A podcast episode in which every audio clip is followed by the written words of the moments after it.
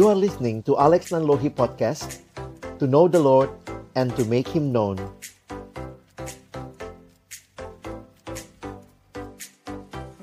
Mari sama-sama kita berdoa sebelum kita membaca merenungkan firman Tuhan. Bapa di dalam surga kami bersyukur kepadamu. Terima kasih Tuhan buat kasih dan anugerahmu yang sungguh nyata di dalam kehidupan kami. Kami akan membuka firman-Mu ya Tuhan. Kami mohon bukalah juga hati kami.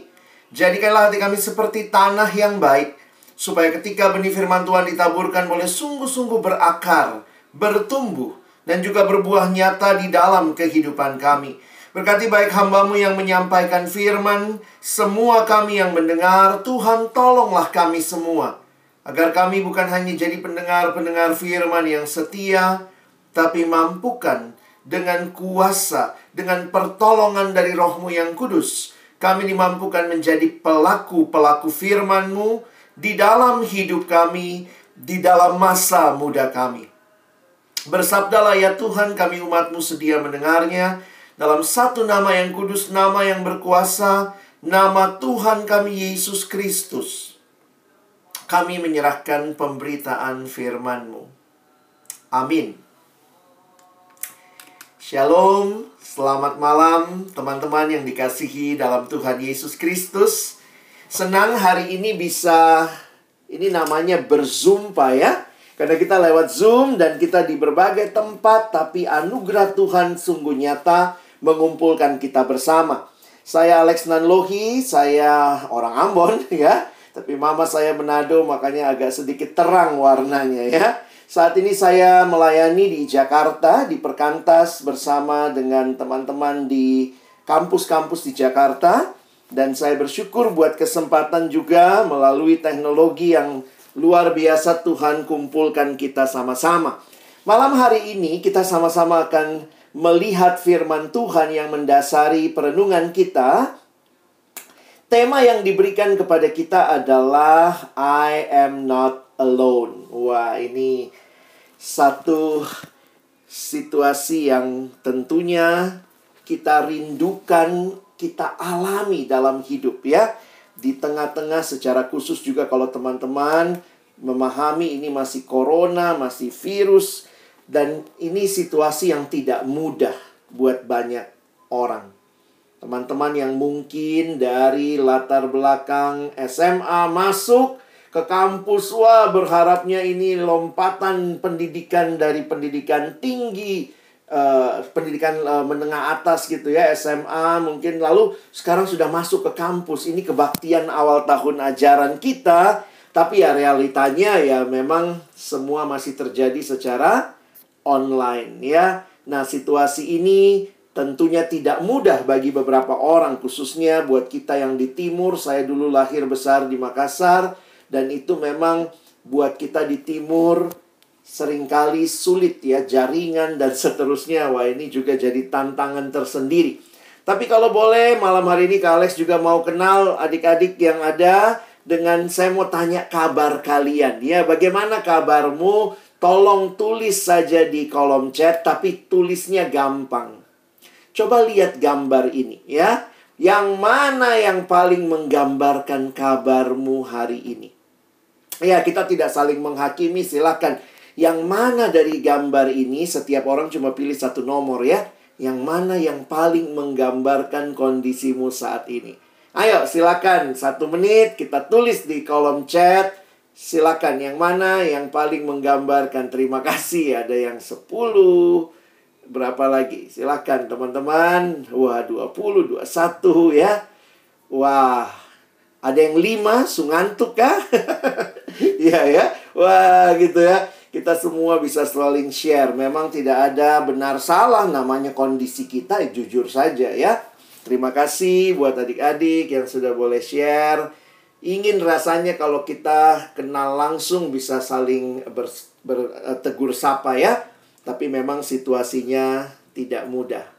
Terima kasih. Ada yang nomor 10, ada nomor 8 ya. Ada yang alami nomor 7 ada yang 14 ya wah lagi terjun bebas nah Oke, terima kasih buat yang sudah sharing. Apa pun kondisimu, percayalah, malam hari ini Tuhan mau menyapa setiap kita dengan kebenaran firman-Nya.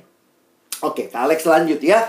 Nah, ketika dilakukan sebuah survei, teman-teman, ada hal yang menarik dalam sebuah survei yang dilakukan terhadap orang muda. Ditanyakan apa yang menjadi ketakutan terbesar orang-orang muda hasil survei itu ada tiga ketakutan teratas. Memang panjang listnya, tapi tiga ketakutan orang muda yang teratas. Pertama, takut akan masa depan. Fear of the future. Oke? Okay? Yang kedua, ada yang takut akan kegagalan. Dan yang ketiga, nah ini yang unik ya, dan ini juga berkaitan dengan tema kita malam hari ini banyak yang takut kesepian. Ini generasi yang unik sekali, punya media sosial. Di media sosial banyak temannya, kadang-kadang friendnya lebih dari 100. Tetapi juga generasi yang paling takut kesepian. Nah, karena itulah saya ingin mengatakan kepada teman-teman malam hari ini, mari buka hati untuk dengar firman malam hari ini apa yang Tuhan mau sampaikan di tengah-tengah mungkin juga kamu takut dengan kesepian ini apalagi buat teman-teman yang mungkin juga terkait tadi ya takut kegagalan ini baru masuk masuk kampus eh online. Belum tentu juga ada yang rasa seperti yang kakak yang baru sharing tadi sebenarnya tidak berharap masuk un unpati eh malah terketerima di sini. Tapi mari belajar melihat apa yang sedang Tuhan rancangkan. Dan ingatlah bahwa Tuhan hadir dan menyertai kita. Satu bagian firman Tuhan yang Kak Alex mau bagi untuk kita malam hari ini di dalam Injil Yohanes, ya. Injil Yohanes pasal yang ke-15 ayat 9 sampai ayat 17. Teman-teman, saya sudah tulis ayatnya ada di screen, jadi nanti kalau kalian mau ikuti, silakan ikuti baca, sehingga nanti kita sama-sama bisa memahami ya. Oke, dengan mic yang tetap mati semua, Kak Alex akan coba bacakan buat kita mulai dari ayat 9. Seperti Bapa telah mengasihi aku, nah ini kalimat Yesus ya. Seperti Bapa telah mengasihi aku, demikianlah juga aku telah mengasihi kamu tinggallah di dalam kasihku itu. Jikalau kamu menuruti perintahku, kamu akan tinggal di dalam kasihku seperti aku menuruti perintah Bapakku dan tinggal di dalam kasihnya. Semuanya itu kukatakan kepadamu supaya sukacitaku ada di dalam kamu dan sukacitamu menjadi penuh. Inilah perintahku, yaitu supaya kamu saling mengasihi sama seperti aku telah mengasihi kamu tidak ada kasih yang lebih besar daripada kasih seseorang yang memberikan nyawanya untuk sahabat-sahabatnya. Kamu adalah sahabatku, jikalau kamu berbuat apa yang kuperintahkan kepadamu. Aku tidak lagi tidak menyebut kamu lagi hamba, sebab hamba tidak tahu apa yang diperbuat oleh tuannya. Tetapi aku menyebut kamu sahabat, karena aku telah memberitahukan kepada kamu segala sesuatu yang telah kudengar dari Bapakku. Bukan kamu yang memilih aku, tetapi akulah yang memilih kamu. Dan aku telah menetapkan kamu supaya kamu pergi dan menghasilkan buah dan buahmu itu tetap. Supaya apa yang kamu minta kepada Bapa dalam namaku diberikannya kepadamu. Inilah perintahku kepadamu. Kasihilah seorang akan yang lain. Baik, teman-teman yang dikasihi Tuhan, ada kala ada ada frasa atau kata yang sangat luar biasa sebenarnya menghayati tema malam hari ini, ya. Kata sahabat. I am not alone karena ada sahabat. Dan menarik sekali kalau kita perhatikan Sahabat itu definisinya apa sih? Wah, kalau cari di internet ada banyak sekali definisi sahabat. Nah, Kalex ambil salah satu definisi. Kalian coba lihat ya. Di sini dikatakan sahabat adalah orang yang mengetahui hal yang paling buruk tentang dirimu, namun masih tetap mengasihi engkau sebagaimana adanya. Dan menarik sekali teman-teman yang dikasihi Tuhan, ayat yang kita baca tadi. Yesus sendiri berkata bahwa dia menjadikan kita sahabat. Perhatikan tadi di ayat yang ke-15 ya. Kalau teman-teman lihat ayat yang ke-15, aku tidak menyebut kamu lagi hamba. Tetapi aku menyebut kamu sahabat. Jadi malam hari ini waktu kita berbicara tema kita I am not alone. Kenapa? Karena kita tahu ada dua hal yang Kak Alex ingin kita renungkan malam hari ini. Ingat ya, dua hal. Pertama, ingat baik-baik bahwa Yesuslah sahabat sejati. Di tengah-tengah dunia yang mungkin juga sedang pesimis dengan persahabatan, Dunia yang justru sering kali sahabat yang harusnya jadi orang yang mendukung kita malah mengkhianati kita. Kita diingatkan.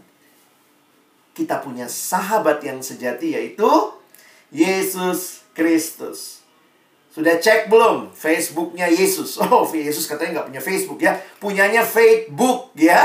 Nanti bisa coba cari ya ada Facebooknya Yesus katanya begitu. Ah, ini bercanda aja ya, tapi ada yang bikin seperti ini.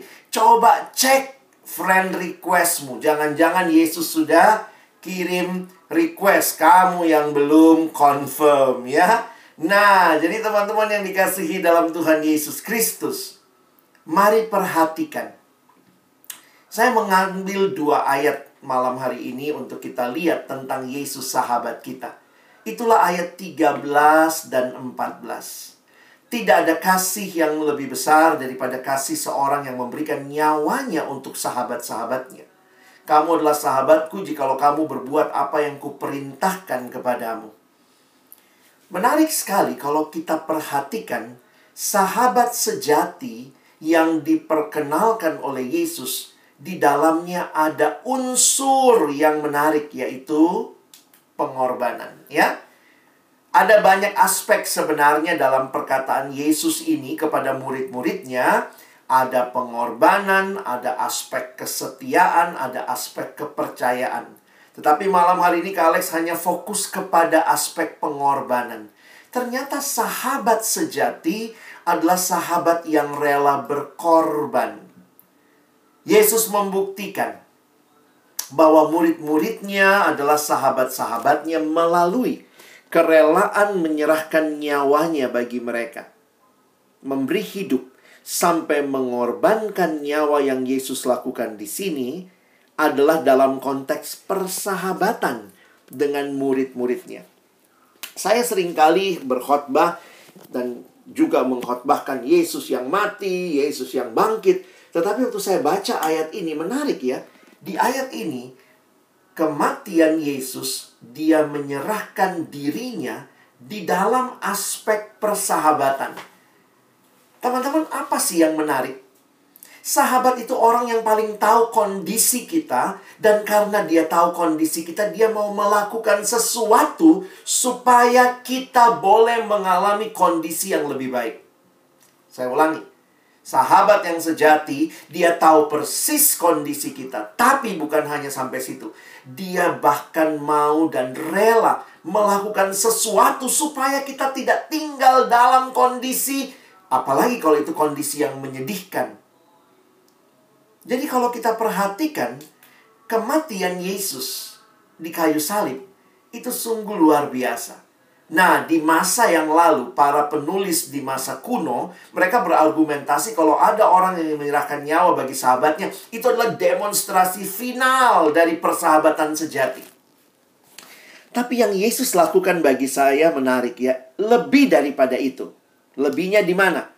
Karena perhatikan, kematian Yesus di kayu salib bukan hanya sekadar mendemonstrasikan bukti persahabatan sejatinya kepada murid-muridnya, melainkan membuahkan persahabatan sejati antara Allah dan manusia, serta manusia dan manusia, karena kematian Yesus menghasilkan rekonsiliasi Allah dan manusia, serta manusia dengan manusia lainnya. Wah, ini beda nih. Ya, teman-teman perhatikan. Ada situasi yang terjadi yang manusia alami, yaitu keterpisahan dari Allah dalam dosa. Dan lihatlah pengorbanan Yesus bukan hanya membuktikan dia sangat mengasihi kita, tetapi dia pun membuka jalan kita bisa dapat akses rekonsiliasi dengan Allah dan bahkan dengan sesama. Jadi menarik sekali untuk kita memperhatikan bahwa apa yang Yesus lakukan bagi kita sahabatnya itu ternyata membawa perubahan hidup. Itu membawa sebuah realita hidup baru. Sahabat yang tahu persis kondisi kita yang berdosa. Tetapi kemudian dia memberikan nyawanya. Supaya engkau dan saya mengalami hidup yang baru. Perhatikan 2 Korintus 5 ayat 17 berkata. Jadi siapa yang ada dalam Kristus ia adalah ciptaan baru. Yang lama sudah berlalu sesungguhnya yang baru sudah datang. Perhatikan, kehadiran Yesus di dalam hidup setiap kita membawa perubahan. Ada dua situasi yang tadinya di dalam dosa, itulah hidup lama. Tapi kemudian masuk dalam hidup baru. Ini sahabat sejati yang tidak rela kamu hidup terus di dalam dosa. Kalau ada sahabat senang lihat temannya berdosa, saya pikir itu bukan sahabat sejati ya. Tapi Yesus sahabat yang peduli dengan hidupmu dan tahu akan hidupmu dan tidak mau engkau dan saya tinggal terus dalam dosa. Kenapa? Kan manusia ini awalnya kita itu ciptaan Allah kan? Sebenarnya inilah realita yang terjadi ketika Allah menciptakan kita, kita segambar dan serupa dengan Allah, maka sebenarnya konsekuensinya apa? Manusia itu harusnya hanya menemukan kepuasan sejati di dalam penciptanya.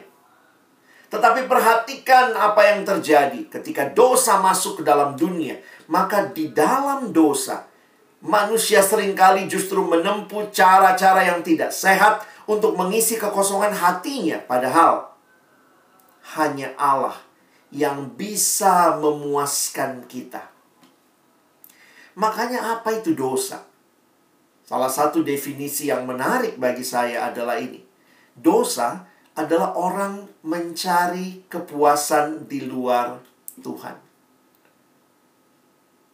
Makanya dalam sebuah kalimat yang dituliskan oleh John Piper, seorang teolog, dia berkata begini dalam bahasa Inggris, Sin is what you do when your heart is not satisfied with God. Inilah realita yang kita alami. Di dalam dosa kita mencari hal-hal yang memuaskan hati kita. Tapi jadinya tidak berfokus kepada Allah. Allah ciptakan kita untuk kita berfokus kepada Dia, tapi manusia dalam dosa fokusnya kepada dirinya sendiri. Yang paling penting adalah aku puas, aku senang, aku untung, aku aman, akulah segala-galanya. Aku, aku, aku. Bukan Allah, bukan sesama. Menjadikan dirinya segala-galanya I am everything. Dan perhatikan teman-teman ketika engkau dan saya fokus kepada diri sendiri, sebenarnya Alkitab mengatakan kita hidup terikat di dalam dosa. Perhatikan baik-baik sifat dosa. Dosa itu membelenggu, teman-teman. Yang ketika kita menikmati apa yang kita mau, yang kita mau, yang kita mau, dan kita tidak melakukan yang Tuhan mau, maka ingat, itu mengikat kita dalam dosa. Dosa itu membelenggu. Di dalam Alkitab bahkan dosa dipersonifikasi. Kalau kalian baca Roma pasal yang ke-6, digambarkan dosa itu seperti seorang tuan yang punya budak. Makanya kalimatnya Paulus bilang, "Kamu adalah hamba dosa." Dosa dilihat seperti seorang tuan, makanya itu dipersonifikasi. Tuan yang punya hamba. Di dalam dosa manusia terbelenggu. Banyak yang dibelenggu oleh hal-hal yang merugikan, hal-hal yang tidak baik. Dibelenggu oleh rokok, oleh judi, oleh minuman keras, oleh narkoba, dan inilah realita. Kadang-kadang kita lihat ya, kalau baca juga sejarah, wah Injil pertama kali masuknya juga di Ambon, di Maluku begitu ya. Kalau lihat di Indonesia, wah Injil masuknya di Maluku, tapi banyak juga orang-orang Maluku yang terikat dalam hal-hal seperti ini. Biar api Injil terus menyala, tapi rokok juga terus menyala. Mau menyala bagaimana? Kadang-kadang saya pikir, coba kau jadi Tuhan ya. Kadang-kadang kita nih nggak beres juga manusia ya. Coba bayangkan kalau kamu jadi Tuhan, pasti repot juga jadi Tuhan ya. Satu sisi doanya Tuhan kasih kesehatan, rokok jalan terus. Mau bagaimana? Coba kamu orang jadi Tuhan. Jangan permainkan Tuhan dengan segala keterikatan yang kita sendiri tidak mau tinggalkan. Seringkali realitanya kita merasa diri ya kadang-kadang sedih ya. Gereja di mana-mana, tapi juga orang mabok di mana-mana. Orang hidup seenaknya. Puji Tuhan, kalau kita punya sahabat sejati yang tidak mau kita terus-menerus hidup seperti itu. Teman-teman yang dikasihi Tuhan, hal yang mengikat kita ini sebenarnya menarik sekali ya. Mungkin kalau kau dengar begini, wah Kak Alex saya mah tidak begitu ya. Masa saya ndak judi, saya ndak rokok, saya anaknya baik-baik ya. Oke lah, sekarang saya juga mau lihatkan, mau perlihatkan kepada kalian hati-hati bahwa ternyata zaman sekarang yang mengikat itu bukan cuma hal yang buruk. Hal buruk begini ya kalau mengikat pasti jelek ya. Tetapi ternyata ada hal-hal yang baik. Perhatikan ya kalimat Kalex ya. Ada hal-hal yang baik yang ketika tidak dipakai dengan semestinya itu jadi hal yang mengikat. Jadi hal yang membuat kita terikat di dalam dosa. Contohnya apa? Nah, saya kasih contoh ya Sebenarnya ini ini ini baik kan? HP baik lah ya. Ini malam ini aja kita banyak yang pakai HP, pakai laptop. Tentu HP baik, internet juga baik begitu. Tetapi ketika yang baik itu tidak dipakai dengan baik, ah itu mengikat kita dalam dosa. Jadi ada orang-orang yang punya HP tapi justru dengan HP-nya itu dia jatuh dalam dosa, terikat dengan dosa. Katanya namanya smartphone, tapi tidak smart yang pakai ya. Dan ini realita yang menarik untuk kita pahami. Hati-hati. Jangan-jangan masalahmu bukan tadi ya, oh saya rokok tidak, kak ini tidak, ini tidak. Tapi apakah ada keterikatan-keterikatan lain? Contoh lagi, hmm, belanja, belanja ya. Wah, kita tentu mau dong belanja. Kita butuh belanja. Tapi kalau kamu kecanduan belanja, nah kalau kecanduan itu sudah terikat. Nah, itu mesti waspada. Ada orang yang senang belanja dan apalagi sekarang kan semua tinggal e-commerce gitu ya, bisa beli di sini di sana begitu, tinggal klik, bayarnya cepat begitu. Jadi rasanya ada orang yang mulai ketagihan belanja. Ada yang tanya sama saya, Kak Alex, apa bedanya ketagihan, kecanduan sama belanja? Kan kita boleh belanja. Boleh belanja. Tetapi kalau kamu kecanduan, itu ciri-cirinya kamu sudah nggak bisa bedakan mana keinginan, mana kebutuhan. Jadi kadang-kadang ada orang beli barang ya, kalau saya tanya, kenapa beli itu? Iya kak, lucu, lucu, ha? Beli barang karena lucu, bukan karena butuh. Jadi habis beli, ketawa-ketawa, lihat itu, gitu ya. Kalau itu jadi cara kita hidup, wah saya pikir hati-hati ya. Banyak hal yang belum tentu kita butuh, tapi karena orang keranjingan belanja dan iklan sekarang di mana-mana, beli ini, beli itu, ini harga murah, beli satu dapat dua begitu ya. Kadang-kadang rasanya tidak butuh pun beli. Dan ini juga jadi keterikatan. Saat ini saya punya beberapa teman dan saya kaget sekali kenapa? Terikat sama pinjaman online. Gara-gara apa? Gara-gara belanja pingin sesuatu melampaui kemampuan. Tidak bisa lagi membatasi diri, saya butuh atau tidak butuh, saya ada uang atau nggak ada uang. Uang dicari pinjaman, pinjol, dan kemudian akhirnya itu utang menumpuk, menumpuk, menumpuk. Terikat. Wah, belanja bisa sampai kayak gitu, Kak. Bisa hati-hati. Makanya sekarang mulai bisa bedain ya Apalagi hal baik yang bisa mengikat. Wah, banyak ya. Nah, ini contoh lagi nih. Wah, yang cewek-cewek mungkin ya. Uh, drama Korea ya. Ya tentu drama Korea boleh nonton drama nggak sih? Boleh. Kata siapa nggak boleh. Tetapi bedakan antara kamu penonton sama sudah jadi pecandu.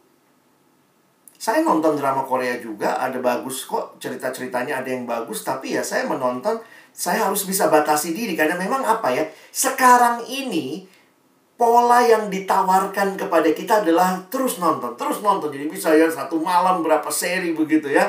Kan cerita cerita ceritanya bagus. Tapi ya ada ini kalian bisa lihat ya ada cerita yang menghibur, ada yang kasih banyak ini ya. Jadi kalau kalian tanya ke Alex nonton, iya saya juga nonton. Tapi apa bedanya? Apa bedanya kita penonton sama kita sudah jadi pecandu? Hati-hati ya. Wah ini Korea-Korea soalnya melanda dunia ya. Sekarang wah dengan begitu luar biasanya dramanya Netflix begitu gampang diakses. Belum lagi yang K-pop K-pop ya. Ada ARMY mungkin di sini. Hai ARMY begitu ya. Ada orang-orang yang mungkin begitu dekat dengan kehidupan yang seperti uh, rasanya di Korea begitu ya. Jadi pertanyaannya begini. Dari mana saya tahu saya kecanduan? Sebenarnya bisa begini teman-teman ya. Perhatikan. Kalau tugas utamamu terabaikan gara-gara hal-hal yang kamu tahu, ini baik, bisa ditonton. Tapi kalau itu mengalihkan tugasmu, sudah bahaya. Harusnya kan kalau kamu mahasiswa, tugas utamamu belajar. Sambilannya nonton. Jangan dibalik tugas utama saya nonton kak, sambilannya belajar. Wah itu udah sudah terbalik dunia ya. Harus jelas kalau saya nonton itu bukan tugas utama, jadi saya harus bisa batasin. Kenapa Tuhan kasih malam buat kita? Kenapa Tuhan kasih malam? Bukan untuk nonton 3-4 drama Korea, tapi buat tidur. Mesti tetap punya waktu tidur dengan baik. Ada yang bilang, ah kak, Korea-Korea saya nggak begitu. Oh mungkin ini masalahmu ya. Wah, game online. Ada juga yang kecanduan game online. Mungkin kalian bilang, aduh Kak Alex, tempat saya nggak ada jaringan. Oh puji Tuhan lah, kau bebas dari online-online ya. Tapi online pun membawa kecanduan. Hati-hati. Boleh main game nggak? Boleh. Saya harus katakan boleh. Tuhan juga memberikan uh, kesenangan kok buat kita. Tapi sekali lagi, kalau gara-gara game kamu terabaikan kuliahnya tidur jadi nggak betul, masalahnya kamu sudah kecanduan. Ada yang bilang ya senangnya nonton kartun anim gitu ya. Wah ini kalau nonton tuh kayaknya nggak bisa selesai langsung satu malam bisa berapa. Saya harus ingatkan hati-hati. Kita nikmati hal baik. Tapi jangan sampai mengabaikan tugas utama kita. Jadi generasi ini keterikatannya macam-macam ya. Kadang-kadang kau mungkin bilang, aduh kak saya nggak yang kayak tadi, aduh rokok, apa, enggak, enggak. Tapi bisa jadi ini keterikatanmu ya. Di samping itu juga yang memang menjadi keterikatan banyak orang adalah masalah ini. Pornografi. Dengan adanya internet, HP di tangan, gampang sekali akses. Kirim apa, ikut ini dan itu. Wah, saya pikir sangat luar biasa sekarang keterbukaan terhadap informasi, tapi juga ada bahayanya. Belum lagi, yang ini, tren-tren seksual sekarang. LGBT, dan juga bahkan hal seperti ini. Free sex, sex before marriage. Dosa itu begitu mengerikan membawa keterikatan kita kehilangan rasa hormat terhadap diri sendiri, kehilangan kemampuan untuk berpikir sehat, jadi nggak bisa mikir gitu ya. Udah tahu merokok dapat menyebabkan uh, impotensi, dapat menyebabkan kanker, tapi itulah dosa bikin kita goblok, nggak bisa berpikir sehat. Kehilangan kemampuan untuk berkata jujur, teman-teman perhatikan begini ya, dosa itu selalu mengikat sama dosa lain. Saya biasa melayani siswa, ada siswa ketangkap mamanya. Wah, dia punya visi di porno. Mamanya tanya, siapa punya ini? Kenapa? Misalnya, kamu dapat dari mana visi di ini? Karena ditemukan di dalam laci meja belajarnya gitu ya. Eh, anak ini bilangnya apa? Ih, nggak tahu ya, Ma. Siapa itu yang kasih masuk di sini? ya, gitu ya. Dosa selalu mengikat sama dosa lain. Jadi bohong. Jadi akhirnya orang susah berkata jujur. Kadang-kadang menutupi dosa. Caranya bohong. Jadi dosa mengikat ke dosa lain. Dosa lain mengikat lagi ke dosa lain. Kita kehilangan kemampuan untuk memberi. Kehilangan kemampuan untuk mengasihi. Kehilangan kemampuan untuk hidup kudus. Karena itu tidak heran. Alkitab berkata upah dosa adalah maut. Roma 6 ayat 23. Betapa mengerikannya akhir cerita dari manusia di dalam dosa. Upah dosa adalah maut. Kalau kamu punya teman dan tahu kondisimu dan membiarkan oh mautnya sudah dah ya sudah selesai gitu wah saya pikir puji Tuhan Allah kita bukan Allah yang seperti itu dia sahabat sejati teman-teman perhatikan gambar berikut ya gambar ini menolong ke Alex juga untuk lihat satu sisi yang menarik Ah, coba perhatikan gambar di sebelah kiri. Dulu saya nggak ngerti ini apa gambarnya. Coba liatin. Ah, lalu waktu itu saya datang ke satu gereja pas dia tampilin gambar ini. Ternyata ini adalah gambar, kalau kalian googling, ini judulnya Peter Drowning, Petrus tenggelam. Jadi sebenarnya ini adalah visualisasi gambaran Petrus lagi tenggelam. Jadi ini perspektifnya Petrus. Petrus lagi tenggelam dalam air, lalu Petrus lihat ke atas. Nah, lalu dia lihat di atas air, di luar air itu Tuhan Yesus. Jadi nggak ada Petrusnya di sini ya. Itu yang di luar air itu adalah Tuhan Yesus yang sedang mengulurkan tangannya kepada Petrus. Nah, jadi kalau lihat baik-baik ya, jangan salah lihat. Oh, ini gambar apa? Oh, Tuhan Yesus tenggelam. Oh, kok salah lihat? Enggak ya. Ini gambarnya adalah Petrus tenggelam. Dan apa yang menarik waktu perhatikan gambar ini? Saya katakan iya ya, memang manusia di dalam dosa seperti sedang tenggelam dan tidak bisa menyelamatkan diri kita sendiri. Kalau teman-teman dan saya bisa menyelamatkan diri kita, maka siapa juru selamatnya? Saya dong, kan saya yang selamatkan diri saya. Karena itu ketika ada agama yang mengajarkan dengan berbuat baik dia bisa selamat. Wow, hebat sekali kau. Kau juru selamat. Buat kita orang Kristen, kita harus mengatakan tidak. Manusia tidak bisa selamat dengan dirinya sendiri. Lalu apa harapan kita? Bagaimana supaya engkau dan saya yang harusnya binasa boleh hidup? Maka perhatikan inilah yang sahabat sejati kita lakukan.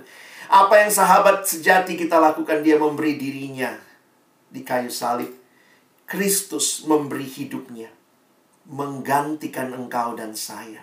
Logikanya, kita yang berdosa, kita harusnya binasa. Tetapi yang terjadi, ini yang disebut the great exchange, pertukaran besar. Yesus yang harusnya hidup malah mati. Kita yang harusnya mati malah hidup. Bagaimana bisa? Karena Kristus memberi hidupnya. Dia rela menderita ketika dia harus menghadapi penyalipan mulai dengan dicambuk, dia harus memikul salib dan dia punya tubuh wajah dikatakan di Alkitab tidak lagi seperti manusia. Yesus bayar harga yang sangat mahal untuk penebusan kita. Salib itu satu-satunya jalan keselamatan dan salib itu memberikan tujuan baru bagi kehidupan kita. Bayangkan kalau dulu dalam dosa tujuannya satu, maut binasa. Tetapi salib seperti membalikkan bukan kebinasaan, tetapi kehidupan. Perhatikan 2 Korintus 5 ayat 15. Kalimatnya menarik, Alex sengaja garis bawahi. Perhatikan sentralitas Kristus dalam hidup kita. Dan Kristus telah mati untuk semua orang supaya mereka yang hidup tidak lagi hidup untuk dirinya sendiri. Ini hidup kayak apa ini? Hidup untuk dirinya sendiri. Itulah hidup dalam dosa. Hidup dalam dosa yang tadi, aku, aku, aku, itu hidup dalam dosa. Cirinya titiriri. Mati-matian untuk diri sendiri. Tapi perhatikan, Kristus mati supaya kita tidak lagi hidup untuk diri sendiri, tetapi sekarang hidupnya untuk untuk Dia yang telah mati dan telah dibangkitkan untuk mereka. Teman-teman, kematian Kristus memberikan kepada kita kehidupan. Dia mati, kita hidup. Sekarang kalau begitu, kita hidup untuk siapa?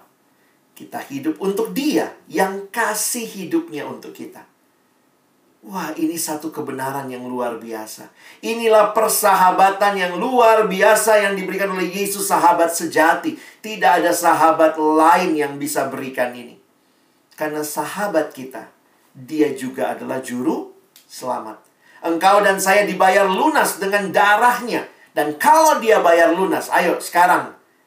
Kalau kamu beli barang, kamu bayarnya lunas, maka barang itu punya siapa? Ya punya kamu. Kau beli pulpen misalnya begitu kau beli bayar itu punyamu. Pulpen itu harusnya melayani kamu. Kalau kamu dan saya ditebus oleh Kristus, dia bayar harganya, maka kita milik siapa? Milik dia. Makanya Paulus berkata 1 Korintus 6 ayat 20. Sebab kamu telah dibeli harganya telah lunas dibayar. Wow. Karena itu, ayo siapa yang dimuliakan? Diri kita? Enggak lah Muliakan Allah yang membayar lunas harga untuk dirimu. Muliakan Allah dengan tubuhmu. Wah, kadang Kak Alex pikir kita mungkin perlu ikut sekolah minggu besok ya. Karena kan di sekolah minggu tuh ada lagu ya. Hati-hati gunakan matamu, hati-hati gunakan mulutmu, hati-hati gunakan tanganmu, hati-hati menggunakan apa yang sebenarnya harusnya memuliakan Allah. Mulut memuliakan Allah, mata memuliakan Allah. Mata melihat bukan yang saya mau lihat. Kalau saya sih maunya lihat pornografi kak, aduh itu yang paling pengen saya lihat. Tapi mata ini telah ditebus harus melihat apa yang Tuhan mau.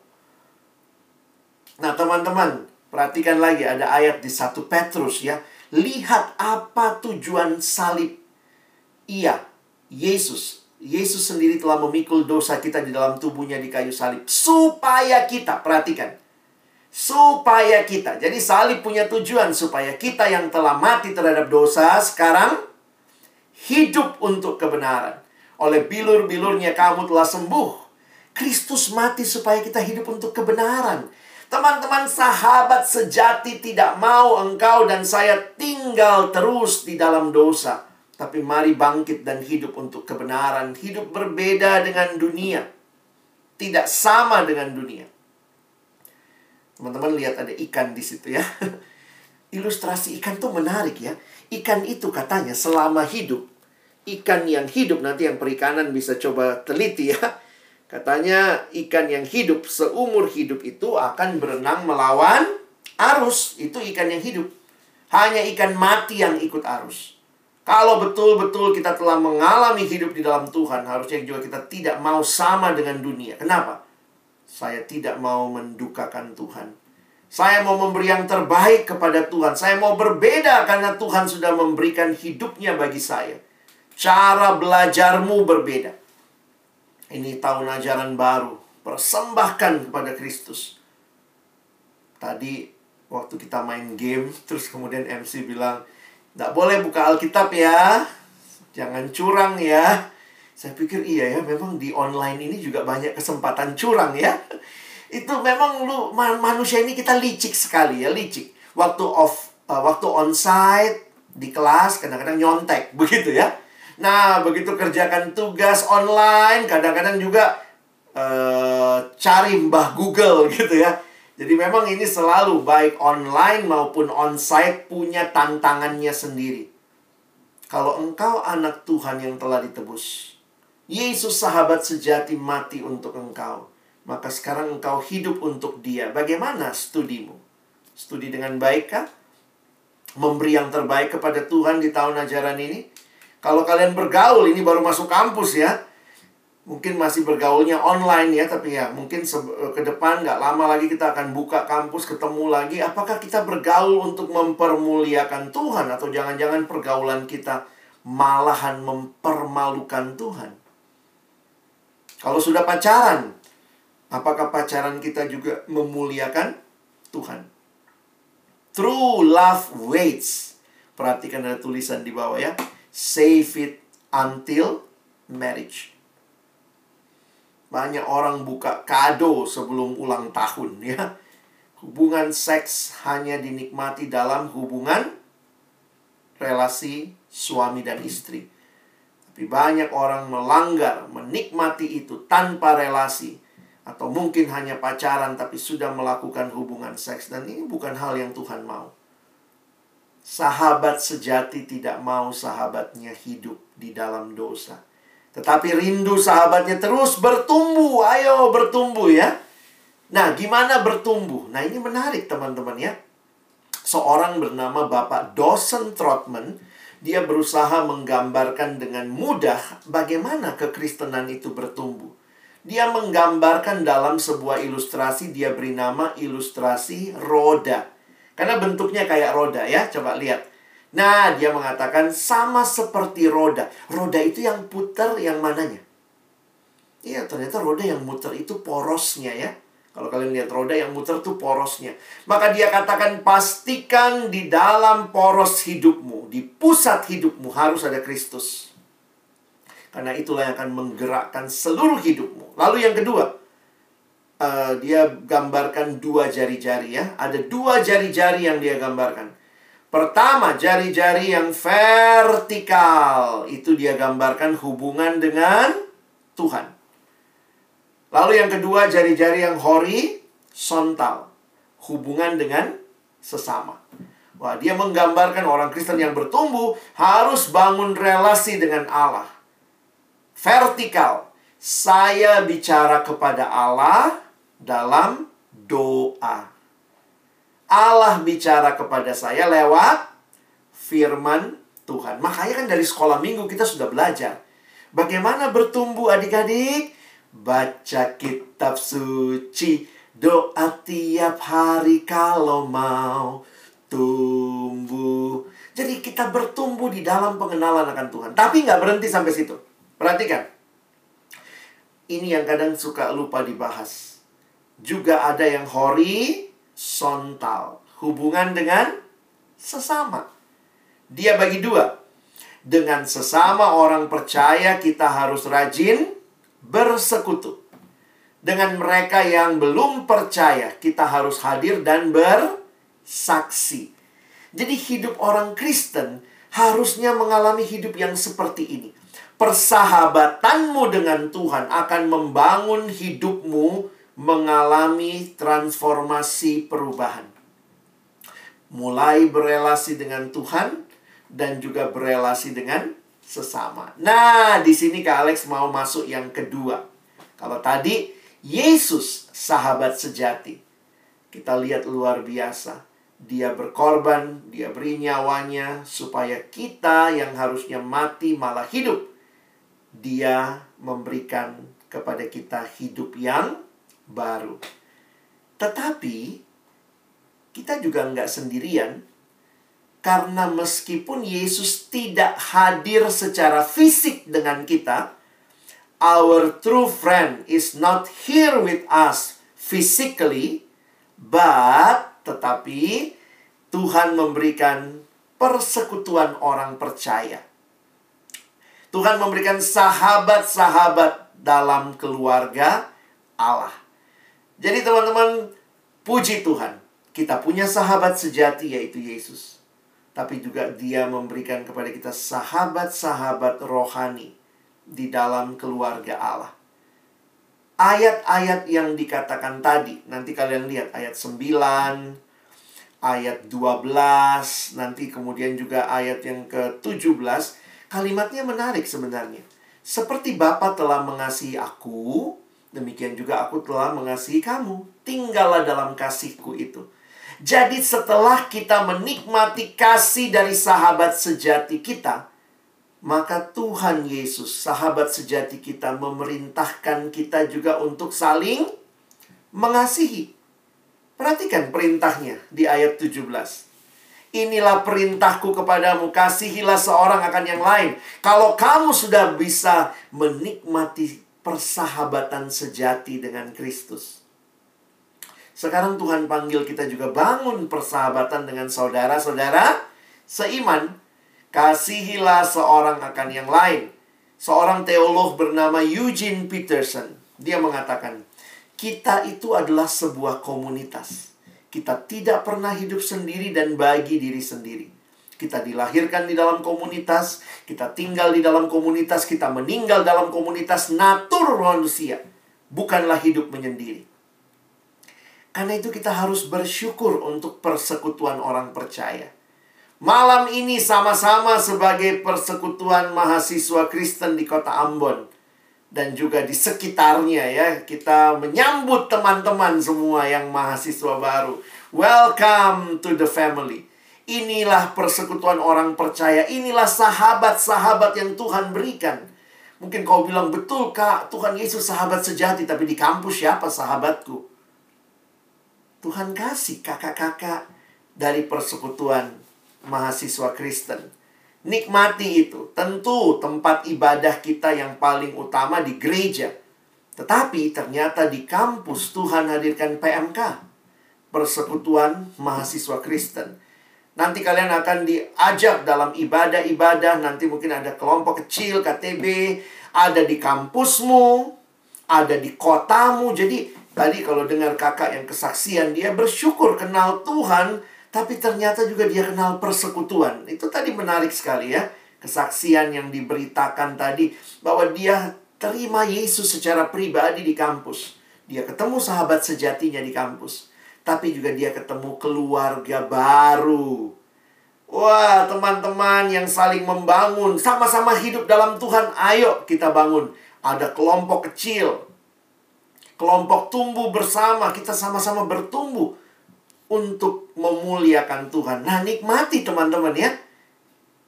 Jangan jadi orang yang uh, apa ya kadang-kadang kalau penyambutan mahasiswa baru yang datang masih banyak begitu. Nanti minggu depan kalau diajak kebaktian masih masih antusias kah? Perhatikan ya di dalam Alkitab Ibrani 10 ayat 24 25 kita diingatkan tentang pentingnya keluarga baru ini. Dan marilah kita saling memperhatikan supaya kita saling mendorong dalam kasih dan dalam pekerjaan baik. Perhatikan ayat 25 Janganlah kita menjauhkan diri dari pertemuan-pertemuan ibadah kita seperti dibiasakan oleh beberapa orang. Waktu saya baca ini ya, Kak Alex lihat, oh memang dari dulu ada pamalas-pamalas ya. Ada yang saya mau, saya mau datang ya, sudah diajak-ajak juga. Seperti dibiasakan oleh beberapa orang. Bukan itu harusnya jadi kerinduan kita. Kita benar-benar memanfaatkan kehadiran persekutuan sahabat-sahabat yang Tuhan berikan. Perhatikan kalimatnya. Tetapi marilah kita saling menasehati dan semakin giat melakukannya menjelang hari Tuhan yang mendekat. Teman-teman, malam hari ini dua hal kita ingat. I am not alone. Kenapa saya tidak alone? Pertama, ada sahabat sejati, Yesus, yang telah mengorbankan dirinya supaya engkau tidak hidup terus-menerus dalam dosa. Dia mau engkau bertumbuh. Dan untuk itu, kamu tidak sendirian, khususnya waktu ada di kampus. Tuhan kasih yang kedua, sahabat-sahabat rohani yang adalah keluarga Allah yang baru untuk engkau dan saya menikmati persekutuan, saling membangun, saling mengisi, ada persekutuan di kampus, di kotamu. Nikmati itu. Jangan menjauhkan diri dari pertemuan-pertemuan ibadah kita. Teman-teman yang dikasihi Tuhan, saya menutup khotbah malam hari ini dengan mengajak kita memikirkan beberapa hal ini dan mari kita responi di hadapan Tuhan ya. Jangan cuma senang dengar firman tapi mari belajar meresponi firman. Setelah kamu dengar firman Tuhan malam hari ini, saya pikir yang penting untuk kita ingat. Ini kan generasi GPS katanya ya. Katanya posisi sangat penting, send location gitu ya. Malam hari ini Tuhan Yesus, sahabat sejatimu, sedang bertanya, di mana posisimu saat ini? Kamu lagi hidup menikmati di dalam dosakah? Atau kamu ada di dalam Kristus? Kalau kamu mengatakan saya ada dalam Kristus, biarlah engkau terus bertumbuh di dalam dia. Tapi kalau engkau masih di dalam dosa, maka apa yang Tuhan mau engkau lakukan hari ini? Sahabat sejati itu berkorban bagimu, supaya engkau tidak hidup terus-menerus di dalam dosa. Karena itu malam hari ini, kalau ada adik-adikku yang mau untuk meninggalkan dosa, bukalah hatimu. Terimalah Yesus Kristus sebagai satu-satunya Tuhan dan Juru Selamat dalam hidupmu. Kesaksian yang indah dari kakak tadi, dia berjumpa dengan Kristus selagi ada di kampus. Teman-teman jujur pertama kali Kak Alex dengar kata, ha terima Yesus, padahal saya dari kecil Kristen. Ya orang Ambon kan rata-rata ya hidupnya merasa sudah Kristen ya, tapi ternyata saya belum pernah sungguh-sungguh terima Yesus. Kenapa teman-teman? Apa sih bedanya terima Yesus ini? Saya cuma Kristen KTP. Kristen tanpa pertobatan, KTP Kristen tanpa pertumbuhan, KTP Kristen tanpa perubahan. Kenapa? Karena saya belum pernah menerima Yesus dalam hidup saya. Apa artinya menerima Yesus? Saya pikir kita harus memahami ya, kalau diminta ambil keputusan harus jelas. Apa itu? Apa artinya menerima Yesus, Kak? Saya dari kecil sudah Kristen. Nah, coba evaluasi. Kak Alex kasih dua hal ya. Menerima Yesus itu pertama artinya begini. Kamu sungguh-sungguh percaya bahwa Yesuslah satu-satunya Tuhan dan Juru Selamat dalam hidupmu. Itu artinya percaya. Percaya bahwa hanya Yesus satu-satunya Tuhan dan Juru Selamat dalam hidupmu. Tidak ada yang lain. Jangan jadi orang Kristen yang mendua hati. Hari Minggu pergi gereja, hari lain ya masih percaya dengan dukun-dukun dan semua yang tidak tepat. Kadang-kadang saya pikir ya, banyak orang Kristen, tapi hanya Kristen hari Minggu. Hari lain ternyata dia percaya juga sama lain masih percaya tete nenek moyang lah, semualah. Jadi akhirnya yang terjadi adalah dia tidak menerima Yesus sebagai satu-satunya Tuhan. Kalau satu-satunya yang lain dibuang. Tapi ada orang yang hari Minggu Yesus diambil, hari Minggu Yesus jadi Tuhan. Hari lainnya sudah saya Tuhannya. Tete nenek moyang yang pimpin hidup. Oh, kalau begitu kita tidak benar-benar menjadikan Yesus sebagai satu-satunya Tuhan dan Juru Selamat. Percaya itu seperti ini. Benar-benar berserah. Seperti seorang anak yang lompat kepada pelukan papanya. Tidak ada yang lain. Dia menyerahkan semuanya kepada papanya. Jadi terima Yesus itu artinya percaya sungguh-sungguh. Jadi bisa jadi kamu sudah Kristen dari kecil, tapi begitu, tidak percaya sungguh-sungguh. Maka kalau kamu hari ini mengerti, saya mau terima Yesus, saya mau percaya sungguh-sungguh. Yang kedua, terima Yesus juga berarti bertobat tadi ya. Paulus pakai kalimat yang menarik di Efesus 4, menanggalkan. Jadi ada seperti ganti baju ya, ada menanggalkan manusia lama, mengenakan manusia baru. Itulah hidup yang ada pertobatan, ada perubahan. Dosa disesali. Mazmur 32 Daud berkata, dosaku kuberitahukan kepadamu, dan kesalahanku tidaklah kusembunyikan. Aku berkata, aku akan mengaku kepada Tuhan pelanggaran-pelanggaranku, dan engkau mengampuni kesalahan karena dosaku. Tuhan berjanji bagi kita yang datang dengan penyesalan, Tuhan mengampuni kita. Sehingga kita sekarang bisa berkata apa?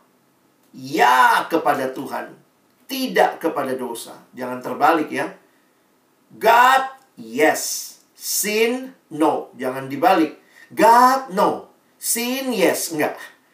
Sekarang dengan tegas. Tidak lagi menikmati dosa.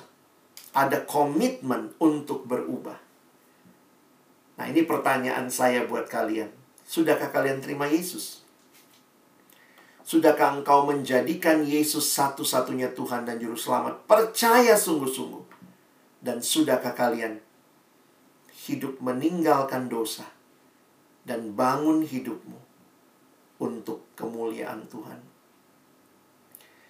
Malam hari ini Kak Alex rindu kalian mengawali perjalanan perkuliahanmu di kampusmu, dengan sebuah keyakinan. Kalian generasi pandemi mungkin rasa kesepian, rasa sulit masuk lingkungan baru. Bagaimana ini, Kak? Saya cuma mau ingatkan.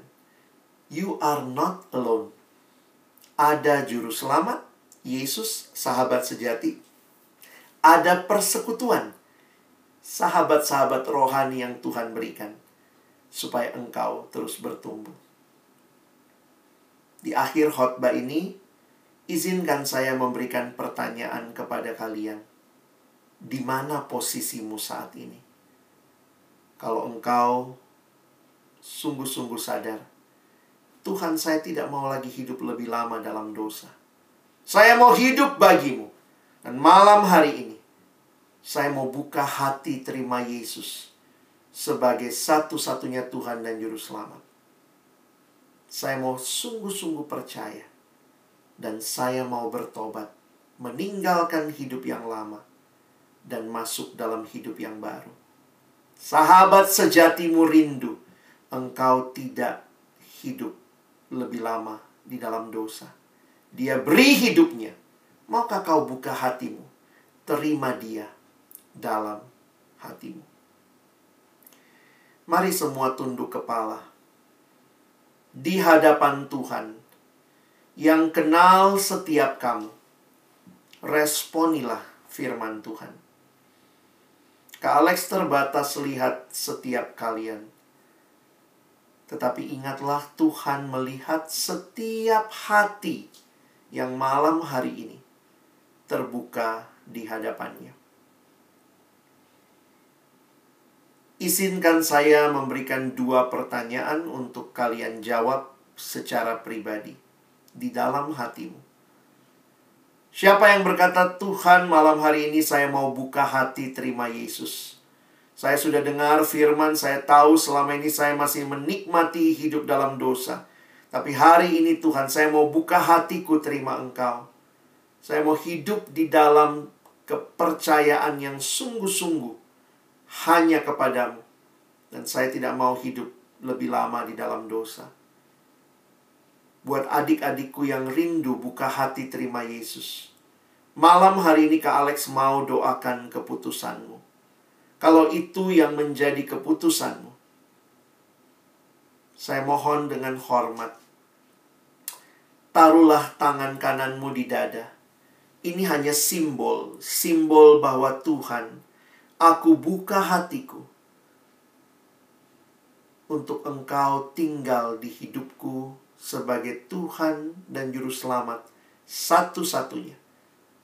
Mari adik-adikku, yang mungkin juga saya tidak bisa lihat kamu karena kamu tertutup tidak masalah. Tetapi kalau kamu mau buka hatimu terima Yesus malam ini, taruh tangan kananmu di dada dan kita akan sama-sama berdoa untuk keputusanmu. Bapak Surgawi hamba menyerahkan adik-adikku yang malam hari ini menyadari. Tuhan di sini saya. Selama ini saya hidup di dalam dosa dan segala keterikatan. Tapi malam hari ini Tuhan saya mau buka hatiku. Menerima engkau sebagai satu-satunya Tuhan dan Juru Selamat. Saya mau bertobat sungguh-sungguh meninggalkan dosa dan hidup hanya bagimu. Tuhan terimalah setiap hati yang malam hari ini membukanya bagi engkau. Bertahtalah di dalam hati setiap anak-anakmu ini. Mereka milikmu Tuhan. Peganglah terus hidup mereka. Yang punya keterikatan dengan pornografi, yang punya keterikatan dengan okultisme, kuasa-kuasa gelap, yang punya keterikatan dengan iri hati, dengki, akar pahit, kemarahan, kami berdoa di dalam nama Yesus ada kelepasan. Di dalam nama Yesus ada pembebasan. Di dalam nama Yesus yang berkuasa ada kelegaan. Peganglah setiap anak-anakmu ini. Mereka milikmu. Mereka persembahkan diri kepadamu ya Tuhan. Pertanyaan saya yang kedua. Bagi adik-adik yang sudah pernah terima Yesus, mungkin kau katakan ke Alex, saya sudah pernah buka hati terima Yesus. Tapi seiring berjalannya waktu, mungkin kau jatuh lagi dalam hidup yang lama, kau nikmati lagi dosa dan malam hari ini kau dengar firman dan kau katakan, Tuhan baharui saya sekali lagi. Bagi adik-adikku yang sudah pernah terima Yesus, kau butuh pembaharuan. Jika itu kebutuhanmu, Alex rindu juga kau Taruh tangan kananmu di dada sebagai simbol saja. Tuhan baharui aku. Mungkin bahkan engkau sudah melayani Sudah jadi orang yang juga terlihat di depan umum melayani tetapi di dalam hati yang terdalam kau tahu kau munafik. Tuhan baharui saya. Saya mau tinggalkan dosa-dosa yang mengikat dan mau hidup bagimu. Jika ini adalah keputusan yang teman-temanku ambil, sekali lagi, Kak Alex mohon taruh tangan kananmu di dada, saya mau doakan keputusanmu. Bapak Surgawi hamba berdoa bagi adik-adikku yang dibaharui malam hari ini. Tuhan kenal setiap hati, Tuhan kenal setiap yang hari ini mengatakan Tuhan baharui aku. Aku tidak mau hidup lebih lama di dalam keterikatan dan mau bangkit dan hidup hanya bagi Tuhan. Biarlah Tuhan menolong, menguatkan untuk menjalani hidup sebagai anak-anak Tuhan. Terima kasih banyak Tuhan karena malam hari ini sekali lagi kami boleh berjumpa dengan sahabat pribadi kami, juru selamat satu-satunya. Dan juga bersyukur untuk keluarga baru yang Tuhan berikan di kampus, di persekutuan, di kota kami, yang juga akan menolong kami bertumbuh bersama-sama. Kiranya Tuhan, bagimulah segala puji, hormat, dan kemuliaan. Sekali lagi terima kasih untuk tema yang indah malam hari ini. Dan kami semua yang sudah mengambil keputusan dan respon terhadap firman Tuhan. Kami kembali dalam hidup dan menyadari di awal semester baru ini. I am not alone. Karena saya bersama dengan Yesus sahabat sejatiku. Dan saya bersama dengan keluarga-keluarga rohani yang baru yang Tuhan berikan. Terima kasih banyak Tuhan. Bagimulah segala puji hormat kemuliaan. Kami menutup firman Tuhan dalam nama Yesus kami sudah berdoa. Amin. Saya kembalikan kepada MC.